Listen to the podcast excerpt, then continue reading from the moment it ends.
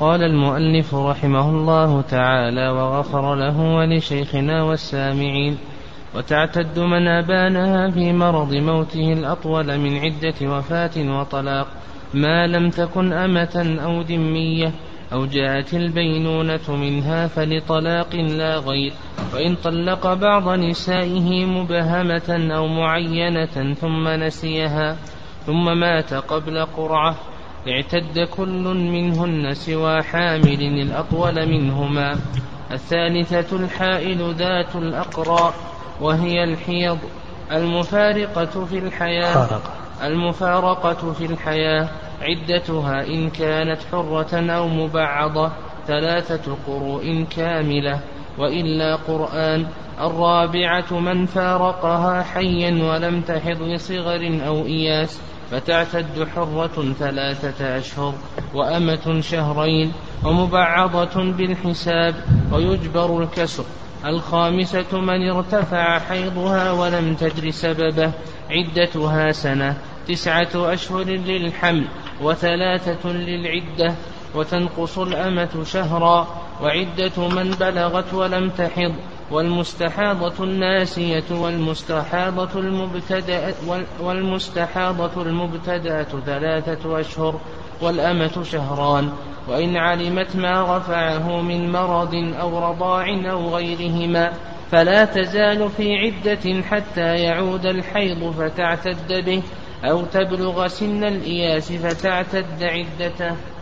تقدم لنا شيء من أصناف المعتدات وذكرنا أن من المعتدات الحامل وأن الحامل هي أم العدد لأنها تقضي على كل عدة حتى عدة الوفاة فإن الحامل تقضي عليها. وما هي عدة الحامل؟ تقدم لنا أن عدة الحامل تنتهي بوضع كل الحمل.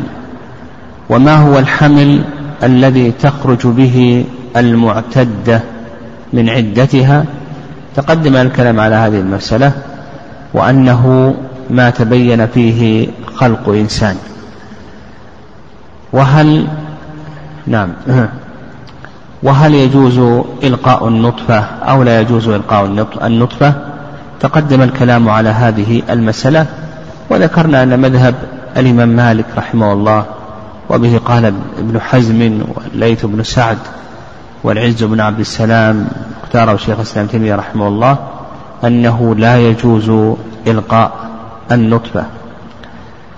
وأيضا تقدم لنا من المعتدات المتوفى عنها زوجها وذكرنا أن عدتها أربعة أشهر وعشرة أيام وهل الأمة المتوفى عنها هل عدتها كعدة حرة أو أن عدتها على النصف من عدة الحرة؟ تقدم الكلام على هذه المسألة.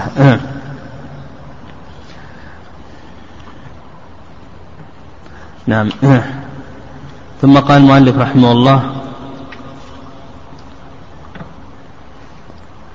فإن مات زوج رجعية في عده طلاق سقطت. تقدم الكلام على هذه المسألة وذكرنا أن الرجعية إذا مات زوجها فإنها تستأنف عدة وفاة لأن الرجعية زوجة لقول الله عز وجل وبعولتهن أحق بردهن في ذلك قال وابتدأت عدة وفاة منذ مات وإن, ما وإن مات في عدة من أبانها في الصحة لم تنتقل. البينونة أو المبانة لا تخلو من أمرين. المبانة التي طلقها زوجها آخر الطلقات الثلاث. ومات زوجها في العدة. فهل تبني على عدة الطلاق أو أنها تستأنف عدة وفاة. قلنا بأن هذه المبانة لا تخلو من أمرين. الأمر الأول أن يطلقها الزوج في حال الصحة بحيث لا يتهم بحرمانها من الإرث. فهذه تبني على عدة الطلاق ولا تتغير عدتها لأنها مطلقة وعدة المطلقة هي ثلاث حيض أو ثلاثة أشهر كما سيأتينا إن شاء الله.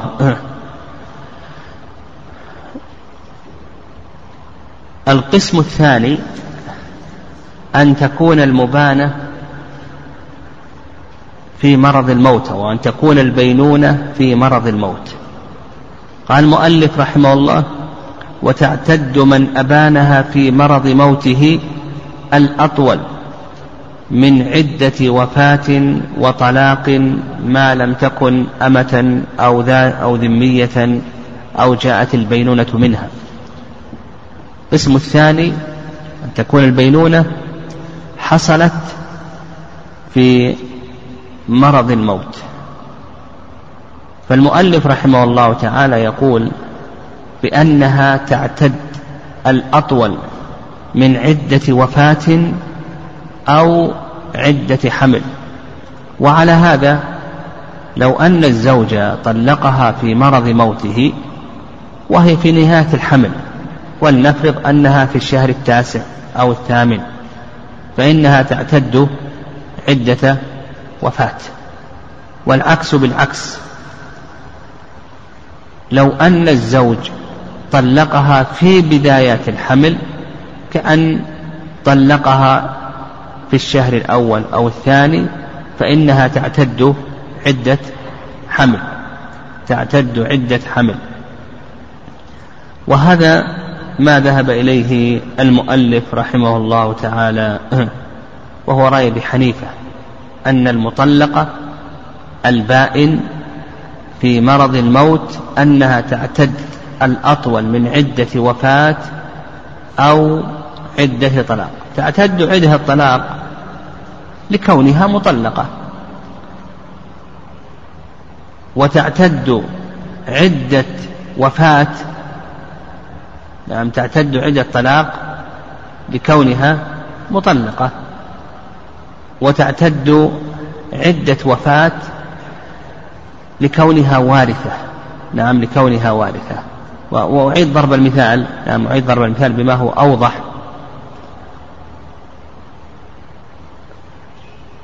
ال ال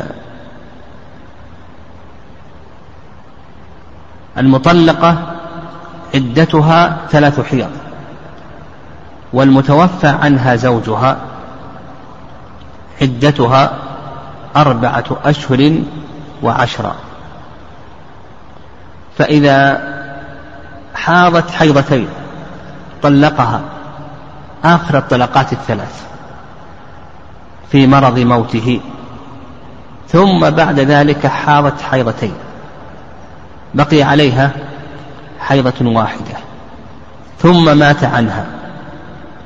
هنا ماذا تعتد؟ نقول بأنها تعتد عدة عدة وفاة. نعم تعتد عدة وفاة. لأن عدة الوفاة هنا أطول. أيضا مثال آخر. طلقها زوجها آخر الطلقات الثلاث وهي في بداية الحمل. يعني في بداية الحمل. ثم مات عنها زوجها. فهل تعتد عدة وفاة؟ أو نقول بأنها تعتد عدة حمل بحيث أنها بحيث تكون عدتها وضع كل الحمل. نقول هنا تعتد ماذا؟ عدة حمل. وهذا ما ذهب إليه المؤلف رحمه الله تعالى والعلة في ذلك كما تقدم وبه قال أبو حنيفة. الرأي الثاني أنها تعتد عدة طلاق لأنها مبانة. نعم تعتد عدة طلاق لأنها مبانة. ولا تعتد عدة وفاة لأنها ليست زوجة وكونها ترث لا يلزم من ذلك أن تعتد عدة وفاة. يعني كوننا نورثها إذا كان متهما بقصد حرمانها من الإرث لا يلزم من ذلك أن تعتد عدة الوفاة. وهذا قال به الإمام مالك والشافعي رحمهم الله تعالى وهذا القول هو الأقرب في هذه المسألة. قال لك المؤلف رحمه الله ما لم تكن أمة. ها لماذا استثنى المؤلف رحمه الله الأمة والذمية؟ أو جاءت البينونة منها؟ لأنها غير وارثة. يعني ما لم تكن أمة. الرق مانع من موانع الإرث. وعلى هذا لو طلق زوجته آخر الطلقات الثلاث لو طلق زوجته آخر الطلقات الثلاث. وهذه الزوجة أمة وطلقها في مرض موته ثم مات عنها في العدة. فما هي عدتها؟ ها؟ نقول بأن عدتها عدة طلاق ولا تعتد عدة وفاة لأنها لا ترث. كذلك أيضا لو كانت الزوجة ذمية الكافر لا يرث المسلم. وعلى هذا لو طلق زوجته الذمية آخر ما يملك من الطلاق في مرض موته ثم مات عنها فلا تنتقل عن عدة الطلاق بل تبني على عدة الطلاق ولا تعتد بعدة الوفاة لأنها ليست وارثة. كذلك أيضا إذا كانت إذا كانت إذا كان الزوج ليس متهما بحرمانها من الإرث قال لك المؤلف أو جاءت البينونة منها. جاءت البينونة منها. قال لها إن كلمت زيدا فأنت طالق. ثم بعد ذلك طلقها آخر الطلقات الثلاث. طلقها. نعم جاءت البينة منها قال إن كلمت زيدا فأنت طالق. ثم بعد ذلك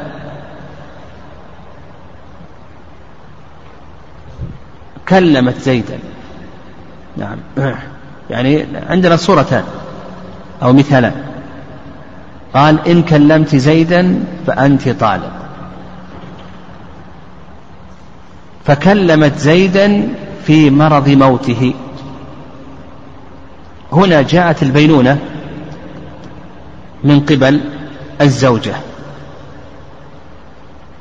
الطلاق حصل في مرض الموت لكنه ليس متهما بحرمانها من الإرث لكون البينونة جاءت من قبل الزوجة. فنقول بأنها تعتد عدة طلاق.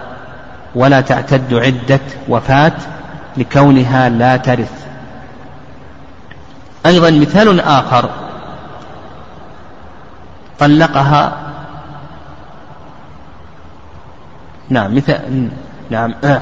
طلقها الطلقة الثانية وشرعت في العدة والطلاق على المعتدة على المذهب يقع وقال لها إن كلمت زيدا فأنت طالق. فكلمته في مرض موته. نقول بأنها لا تنتقل عن عدة الطلاق وتبني على عدة الطلاق ولا تعتد عدة وفاة لكونها غير وارثة لأن البينونة جاءت من قبلها. قال المؤلف رحمه الله فلطلاق لا غير وإن طلق بعض نسائه مبهمة أو معينة ثم نسيها ثم مات قبل قرعة اعتد كل منهن سوى حامل الأطول منهما. إذا طلق بعض نسائه مبهمة. صورة ذلك قال إحدى نساء طالق لم يعين. أو معينة قال فلانة طالق. ثم نسيها نسيها. يقول لك المؤلف رحمه الله إذا مات تعتد كل واحدة منهن الأطول من عدة الطلاق أو عدة الوفاة. ينظر هل الأطول عدة الطلاق؟ تعتد عدة الطلاق. إذا كانت الأطول عدة الوفاة تعتد عدة الوفاة. وش مثال الأطول عدة الطلاق؟ كما لو طلقها في آخر الحمل. وأيضا ما مثال الأطول عدة الطلاق؟ كما لو طلقها في أول الحمل فيقول لك المؤلف تعتد الأطول من عدة طلاق ومن عدة وفاة والعلة في ذلك أن كل واحدة منهن يحتمل أن تكون هي المطلقة. نعم يحتمل هي أن تكون هي المطلقة. كل واحدة منهن يحتمل أن تكون هي التي وقع عليها الطلاق. قال المؤلف رحمه الله سوى حامل الأطول منهما. الحامل عدتها ماذا؟ يقول لك المؤلف رحمه الله إلا الحامل. نعم إلا الحامل. فيقول لك المؤلف رحمه الله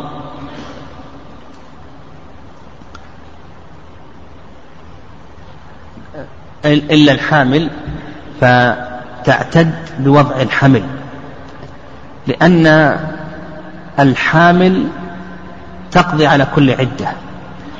طيب كما قال المؤلف رحمه الله إذا طلق بعض نسائه مبهمة أو معينة ثم نسيها ثم مات قبل قرعة اعتد كل منهن الأطول منهما يعني من عدة طلاق ومن عدة وفاة. نعم. استثنى المؤلف رحمه الله الحامل. فنقول عندنا إن كانت حاملا فهذه عدتها وضع وضع كل الحمل. طيب إن لم تكن حاملا فتعتد الأطول من عدة وفاة أو عدة طلاق لأن كل واحدة يحتمل أن تكون هي التي وقع عليها الطلاق. مثال ذلك مثال ذلك. عدة الوفاة أربعة أشهر وعشرة. وعدة الطلاق ثلاث حيض. لكن لو فرضنا أن هذه المرأة لا تحيض نعم لا تحيض إلا بعد شهرين مرة واحدة. لا تحيض إلا بعد شهرين مرة واحدة. هنا أيهما الأطول؟ عدة الوفاة أو عدة الطلاق. ها؟ نقول عدة الطلاق. نقول عدة الطلاق هذا هو الأطول. فتعتد عدة طلاق لأنها ستحيض بعد شهرين مرة ثم شهرين مرة ثم شهرين مرة تكون بعد ستة أشهر. بخلاف عدة الوفاة فإنها أربعة أشهر وعشرة. وإذا كانت تحيض في ثلاثة الأشهر ثلاث حيض تعتد ماذا؟ عدة وفاة. نعم تعتد عدة وفاة. فتلخص لنا أنها إن كانت حاملا فعدتها وضع كل الحمل إن لم تكن حاملا فإنها تعتد الأطول من عدة طلاق أو عدة وفاة. وكما تقدم لنا إذا كانت تحيض بعد شهرين فإن الأطول هي عدة الطلاق. وإن كانت تحيض حيضا معتادا في كل شهر مرة أو ربما حاضت في شهرين ثلاث حيض نقول تعتد عدة وفاة. قال المؤلف رحمه الله تعالى الثالثة الحائل ذات الأقرى.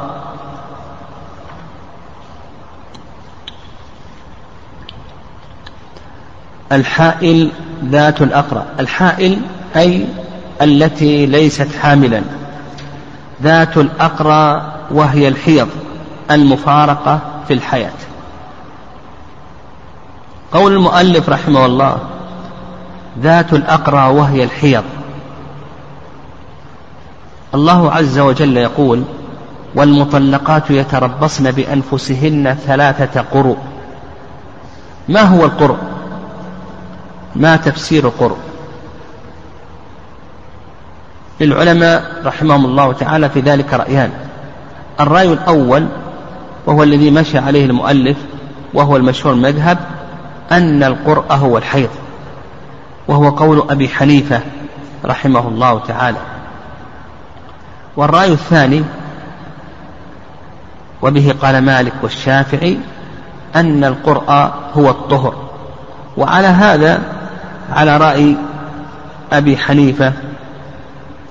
نعم على رأي أبي حنيفة.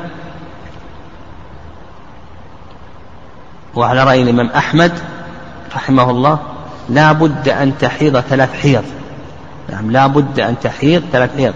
تكون العدة هي ثلاث حيض. واستدلوا على ذلك. نعم استدلوا على ذلك. بقول الله عز وجل والمطلقات يتربصن بأنفسهن ثلاثة قروء قالوا لو كان المراد الأطهار لكان يكفيها قرآن وبعض الثالث لأنه سيطلقها في طهر فيحسب هذا الطهر. ها؟ ثم بعد تطهر طهرين. الله عز وجل قال ثلاثة قروء لو كان القرء هو الطهر لكفاها قرآن وبعض الثالث. كذلك أيضا استدلوا بأن النبي صلى الله عليه وسلم قال للمستحاضة دع الصلاة أيام أقرائك. ولا شك أنها تترك الصلاة أيام الحيض ولا تتركها أيام الطهر. وأيضا لحديث ابن عباس رضي الله تعالى عنهما أن امرأة ثابت بن قيس لما اختلعت أمرها النبي صلى الله عليه وسلم أن تستبرئ بحيضة يعني أن تعتد بحيضة.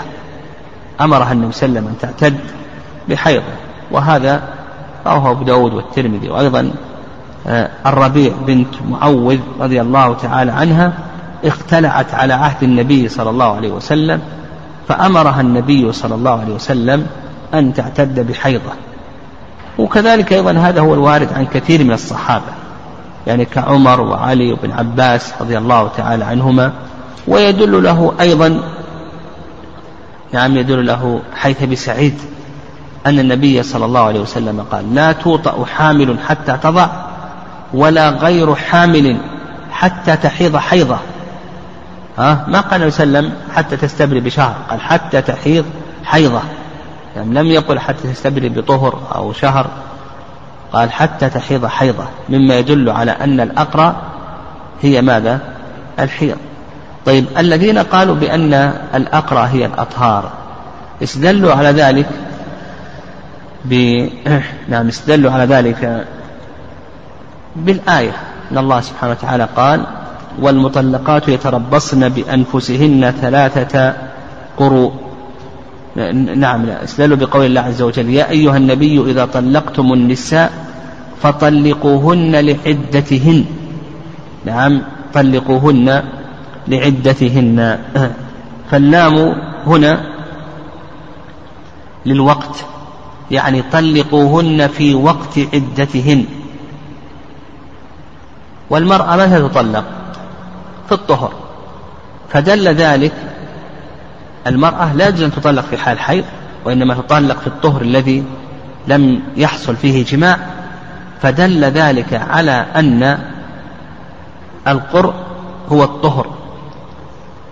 فطلقوهن لعدتهن. اللي قالوا اللام للوقت يعني في وقت عدتهن ووقت العدة هو الطهر. والله عز وجل يقول المطلقات تربصن بأنفسهن ثلاثة قروء فدل ذلك على أن على أن القرء هو الطهر. وأجيب عن ذلك. قالوا بأن أنه لا يسلم بأن اللام في قوله لعدتهن للوقت وإنما هو للاستقبال. يعني طلقوهن في زمن يستقبلن فيه العدة. يعني في زمن يستقبلن فيه العدة. وذلك بأن لا يطلقها حال حيض. لأنه إذا طلقها في حال حيض فإنها لا تستقبل العدة. وإنما يطلقها في حال الطهر فتستقبل العدة التي هي ثلاث حيض. تستقبل العدة التي ثلاث التي هي ثلاث حيض. فقالوا بأن قوله سبحانه وتعالى فطلقوهن لعدتهن اللام للاستقبال يعني في زمن يستقبلن فيه العدة. وذلك في الطهر الذي لم يحصل فيه وطء لأن المرأة تستقبل العدة وهي ثلاث نعم ثلاث الحيض. وكذلك أيضا قالوا بأن هذا وارد عن بعض الصحابة كعائشة وابن عمر وزيد بن ثابت رضي الله تعالى عنهما والصواب في هذه المسألة وما ذهب إليه الحنفية والحنابلة وأن الأقرى هي الطهر. وأما الآثار الواردة عن الصحابة رضي الله تعالى عنهم فنقول خالفهم غيرهم من الصحابة بل أكابر الصحابة كعمر وعلي رضي الله تعالى عنهما. تظهر ثمرة الخلاف في الحيضة الثالثة.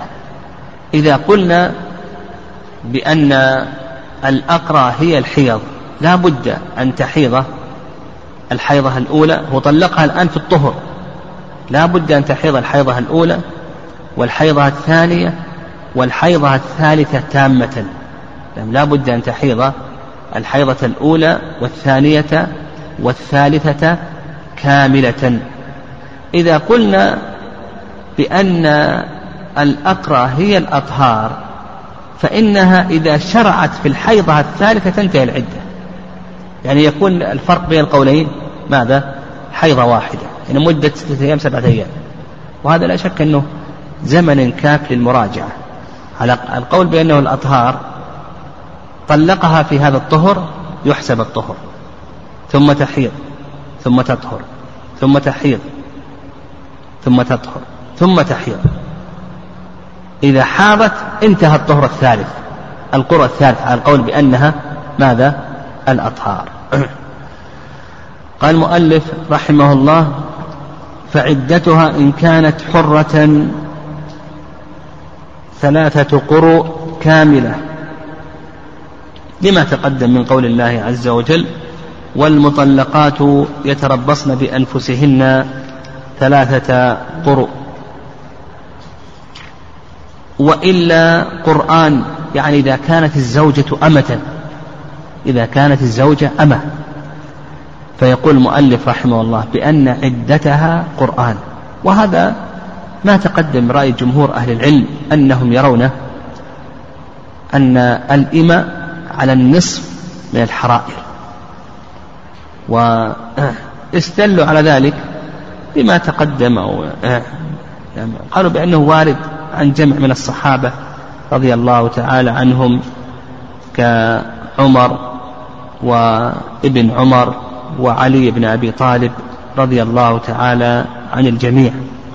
وأيضا جاء في حديث عائشة رضي الله تعالى عنها أن النبي صلى الله عليه وسلم قال طلاق الأمة تطليقتان وعدتها أو قرؤها حيضتان. طلاق الأمة تطليقتان وقرؤها حيضات حيضتان. وهذا الحديث يعني رواه ابن ماجه وهو ضعيف. يعني هذا الحديث رواه ابن ماجه وهو ضعيف. وتقدم لنا الرأي الثاني في هذه المسألة وهو رأي نعم الظاهرية. وكذلك أيضا رأي ابن سيرين. يعني ابن سيرين يقول لا أعلم أن عدة الأمة إلا كعدة الحرة. إلا أن تكون مضت في ذلك سنة. ودليلهم على ذلك هي العمومات. يعني دليلهم على ذلك هي العمومات. تقدم لنا ما يتعلق بأثار الصحابة رضي الله تعالى عنهم. قال الرابعة من فارقها حيا ولم تحض لصغر أو إياس فعدتها ثلاثة أشهر. من فارقها حيا من فارقها بطلاق. طيب آه. المفارقة بالطلاق. ولم تحض إما لصغر لكونها صغيرة أو لإياس لكونها كبيرة أيست من دم المحيض فهذه عدتها ثلاثة أشهر. ودليل ذلك قول الله عز وجل واللائي يئسن من المحيض من نسائكم إن ارتبتم فعدتهن ثلاثة أشهر واللائي لم يحض. فاللائي لم يحض عدتهن ثلاثة أشهر. وكذلك أيضا اللائي يئسن من المحيض أيضا عدتهن ثلاثة أشهر. وهذا بالإجماع يعني هذا باتفاق الأئمة. قال وأمة شهرين ومبعضة بالحساب ويجبر الكسر. الأمة شهران. نعم الأمة شهران. وهذا ما عليه جمهور أهل العلم كما تقدم الكلام على هذه المسألة في عدة المتوفى عنها زوجها وأن الجمهور يرون أن الإماء على النصف من الحرائر لكن هنا المؤلف رحمه الله تعالى يرى أن عدتها شهران وعند أبي حنيفة ومالك أنه شهر ونصف نعم عند أبي حنيفة ومالك أنه شهر ونصف أه. نعم أه. واستدلوا على ذلك قالوا بأنه وارد عن عمر نعم. وارد عن عمر كذلك أيضا وارد عن علي رضي الله تعالى عنه وذكرنا الرأي الثاني كما تقدم رأي ابن سيرين ورأي ابن حزم رحمهم الله وأن أن الأمة كالحرة تماما لعمومات الأدلة. قال ومبعضة بالحساب يعني التي بعضها حر وبعضها رقيق هذه بالحساب. فإذا كان عندنا زوجة نصفها حر ونصفها رقيق فعدتها بالنسبة للرق كم؟ شهران. تأخذ تأخذ بقدر ما فيها من الحرية. نعم. تأخذ من الشهر الثالث بقدر ما فيها من الحرية. بالنسبة للرق شهران. طيب نصفها حر ونصفها رقيق بقي شهر ثالث. الشهر الثالث كم تأخذ منه؟ إن كان نصفها حر أخذت نصفه. إن كان ربعها حر أخذت ربعه. وهكذا. فإذا كان نصفها حر تأخذ كم؟ خمسة عشر يوما. فتكون عدتها شهران وخمسة عشر يوما. قال ويجبر الكسر. نعم يجبر الكسر. لو كان ربعها حر قلنا تأخذ شهرين. هذا بالنسبة لعدة الرقيق. طيب ربعها حر كم ربع الثلاثين؟ ها؟ سبعة ونصف نجبر الكسر نقول بأن عدتها شهران وثمانية أيام. يجبر الكسر قال المؤلف رحمه الله الخامسة من ارتفع حيضها ولم تدري سببه فعدتها سنة تسعة أشهر للحمل وثلاثة للعدة. هذه الخامسة من المعتدات وهي من ارتفع حيضها ولم تدري من ارتفع حيضها. من ارتفع حيضها هذه لا تخلو من أمرين. من ارتفع حيضها هذه لا تخلو من أمرين. الأمر الأول قال المؤلف رحمه الله لم تدري سببه لا تدري وش اللي سبب. ما هو السبب في رفع دم الحيض؟ هل هو رضاع؟ هل هو مرض؟ أو غير ذلك من الأشياء. لا تدري ما السبب الذي رفع دم الحيض. فيقول لك المؤلف رحمه الله عدتها سنة تسعة أشهر الحمل وثلاثة أشهر العدة تعتد سنة. قالوا لورود هذا عن عمر رضي الله تعالى عنه. ثلاثة أشهر للعدة لأنها لا تحيض. والله عز وجل يقول واللائي يسلم المحيض من نسائكم إن ارتبتم فعدتهن ثلاثة أشهر واللائي لم يحض. ثلاثة أشهر للآية. طيب سنة لأي شيء؟ للحمل لأنه يحتمل أن تكون حاملا. وهذا ما ذهب إليه المؤلف رحمه الله تعالى وهو أيضا مذهب المالكية واختاره شيخ الإسلام تيمية رحمه الله. وقالوا أيضا أن هذا وارد عن عمر رضي الله تعالى عنه. والرأي الثاني الرأي الثاني رأي الحنفية والشافعية أنها تبقى في عدة حتى تحيض أو تبلغ سن سن الإياس. نعم. تبقى. طيب هي الآن ارتفع حيضها ما أدري. تقول ما أدري الحيض ذهب ولم يرجع. لا تدري ما الذي رفعه. ليس هناك سبب عندها معلوم. رفع الحيض. نقول انتظري على رأي الحنفي والشافعي حتى يأتي الحيض. ها؟ وتعتد به كم؟ ثلاث حيض. طيب ما جاء الحيض؟ انتظري حتى تبلغ سن الإياس. كم سن الإياس؟ خمسين سنة. تبلغ خمسين سنة. وعلى هذا إذا كان لها ثلاثون كم تنتظر؟ تنتظر عشرين سنة. تتربص. حتى تبلغ سن الإياس ثم تعتد عدة آيسة ثلاثة أشهر. لأن هذه المرأة لا يخلو إما أن تكون ذات أقرى حيض وإما أن تكون آيسة فلا بد من أحد هذين الأمرين.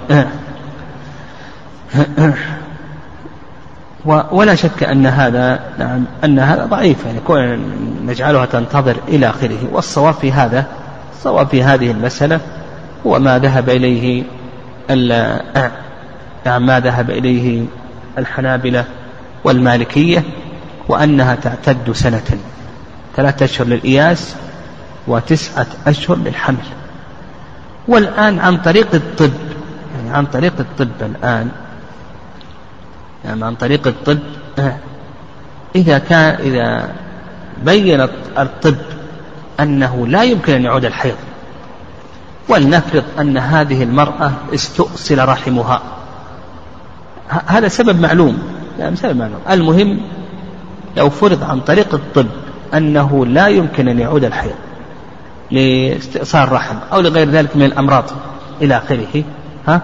فلا حاجة إلى مدة التربص. ونقول أنها تعتد عدة آيسة نعم للآية. واللائي يئس من المحيض هذه أيس من المحيض. إن ارتبتم فعدتهن ثلاثة أشهر واللائي لم يحضن. نعم فعدتهن ثلاثة أشهر واللائي لم يحضن. طيب هذا القسم الأول. القسم الثاني قال لك وإن علمت ما رفعه من مرض أو رضاع أو غيرهما فلا تزال في عدة حتى يعود الحيض فتعتد به. هذا القسم الثاني. إذا علمت الذي رفع دم حيضها رضاع أو مرض أو غير ذلك ها فالمشهور من المذهب ماذا؟ أنها تمكث. حتى ماذا؟ لا تزال في العدة حتى يعود الحيض فتعتد به. طيب ما رجع الحيض؟ نقول حتى تبلغ سن الإياس فتعتد عدة آيسة. فالقسم الثاني إذا كان السبب معلوما للمرأة كرضاع أو مرض إذا رفع دم الحيض معلوم للمرأة من رضاع أو مرض. ها ماذا نقول؟ لا بد أن تتربص حتى يعود الحيض فتعتد به. فإن لم يرجع الحيض تنتظر حتى تبلغ سن الإياس فتعتد عدة آيسة. ثلاثة أشهر وعشرة. آه. ثلاثة أشهر. طيب. وعلى هذا هم يوافقون الحنفية والشافعية في أي شيء؟ في القسم الأول. نعم يوافقون الحنفية والشافعية في القسم الأول. وهذا يعني هذا هو رأي الحنفية أيضا. وهو أيضا رأي المالكية والشافعية لأن رأي المالكية والشافعية كما تقدم ها أنهم حتى في القسم الأول إذا كان ارتفاع دم الحيض لسبب لا تعلمه المرأة أنه على رأي المالكية والشافعية ماذا؟ أنها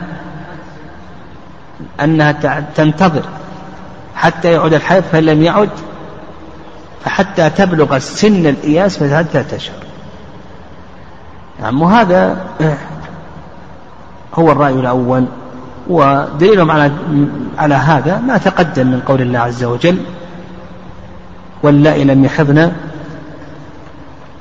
قول الله عز وجل واللائي يسن من المحيض من نسائكم. إن ارتبتم فعدتهن ثلاثة أشهر واللائي لم يحض فالعدة إما حيض إما بالحيض الأقرى وإما بالإياس. تعتد عدة آيسة. والرأي الثاني أن من ارتفع حيضها بسبب معلوم. وزال السبب ولم يعد الحيض إذا ارتفع حيضها بسبب معلوم. وزال السبب ولم يعد الحيض فإنها تكون آيسة وتعتد بثلاثة أشهر. وهذا نعم نعم الرأي الثاني رأي الإمام رواية عن الإمام مالك. نعم أعيد الرأي الثاني. رواية عن الإمام مالك رحمه الله وهو أيضا رواية عن الإمام أحمد أنه إذا انقطع السبب وزال السبب ولم يعد الحيض فإنها تعتد سنة كما تقدم. تسعة أشهر للحمل وثلاثة للإياس وقال شيخ الإسلام تيمية رحمه الله إذا زال السبب ولم يعد الحيض وتعلم أن الحيض لن يز... لن يعود تعلم أن الحيض لن يعود مع زوال السبب فإنها تعتد عدة آيسة ثلاثة أشهر. فعندنا الرأي الثاني رواية عن الإمام مالك ورواية عن الإمام أحمد أنه إذا زال السبب الذي رفع الحيض.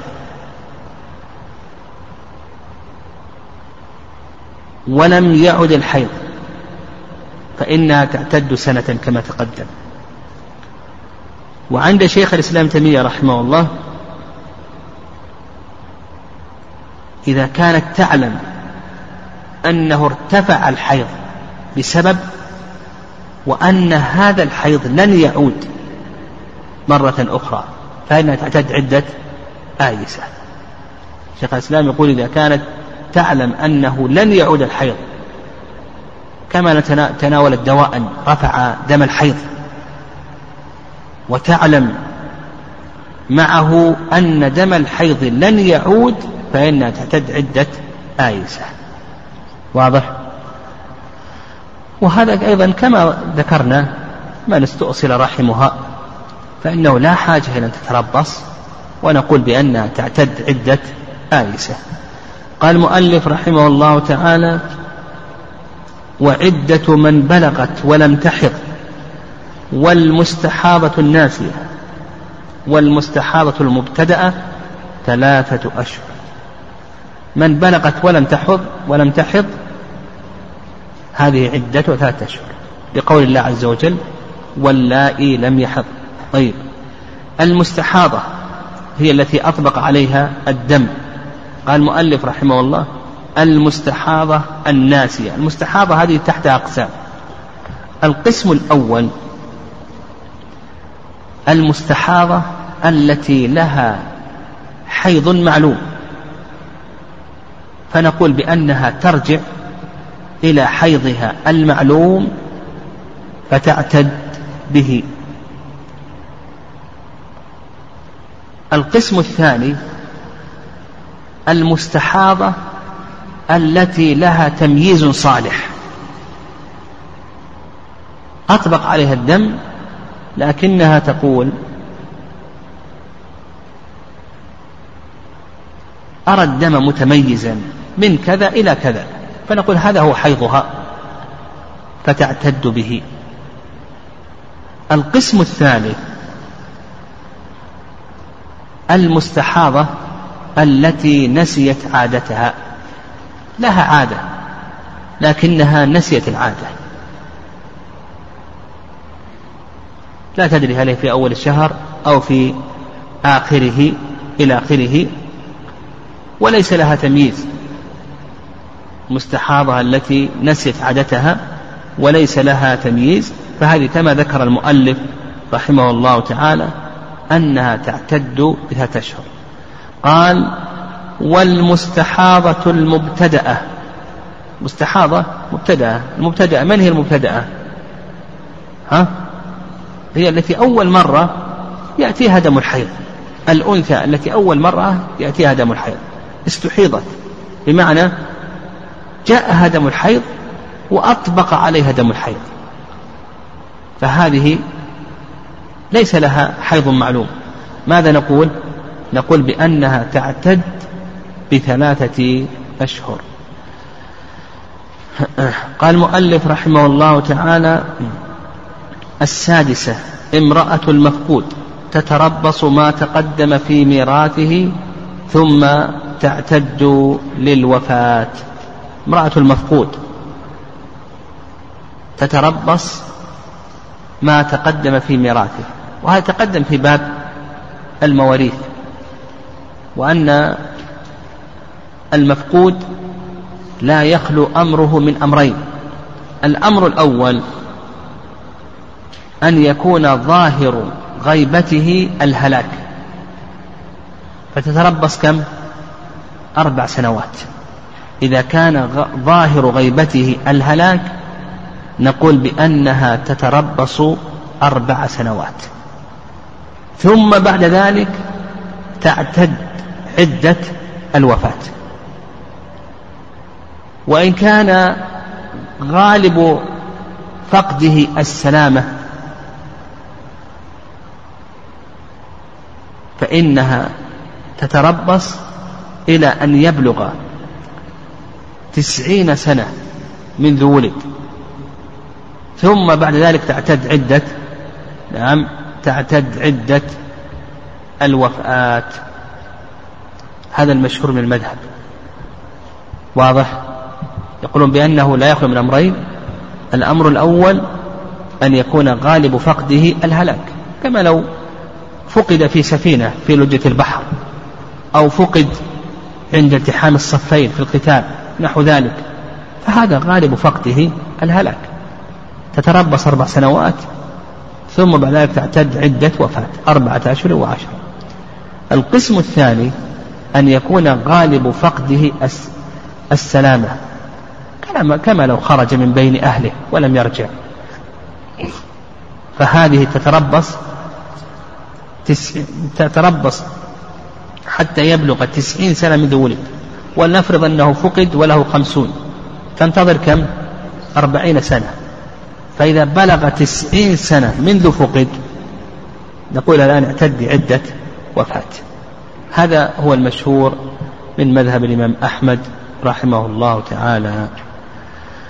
وقالوا بأن ضرب المدة يعني هذا وارد عن عمر رضي الله تعالى عنه يعني ضرب عمر ضرب أربع سنوات هذا وارد عن عمر رضي الله تعالى عنه. والرأي الثاني أن مدة التربص يرجع فيها إلى اجتهاد الحاكم. لا نقدرها بأربع سنوات أو بتسعين سنة منذ ولد إلى أن يبلغ تسعين سنة منذ ولد. بل نقول بأن هذا يرجع إلى اجتهاد الحاكم. وهذا يختلف باختلاف الزمان والمكان. وهذا قال به الشافعي رحمه الله وهذا القول هو الصواب. وعلى هذا نقول بأن ما ورد عن عمر رضي الله تعالى عنه نقول بأنه حكم اجتهاد ليس حكما تشريعيا وإنما هو حكم اجتهادي يرجع فيه إلى اختلاف الزمان والمكان. وعلى هذا القاضي يجتهد. مثلا في مثل وقتنا هذا بسبب تطور آلات الاتصال ونحو ذلك. قد يضرب سنة قد يضرب نصف سنة إلى آخره تتربص ثم بعد ذلك يحكم بموته ثم تعتد عدة عدة وفاة. قال المؤلف رحمه الله تعالى وأمة كحرة في التربص. يعني لا فرق بين الأمة والحرة في التربص لكن الأمة تفترق عن الحرة في أي شيء؟ في العدة. وتقدم أن المذهب أن عدة الأمة شهران وخمسة أيام للوفاة. فمدة التربص واحدة. أربع سنوات تربص أربع سنوات إن كان غالب فقده الهلاك.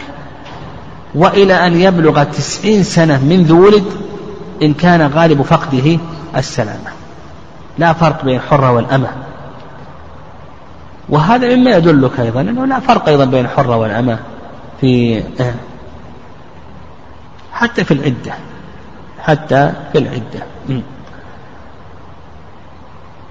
ثم بعد ذلك إذا كانت أمة تعتد عدة الأمة وعدة الأمة شهران وخمسة أيام.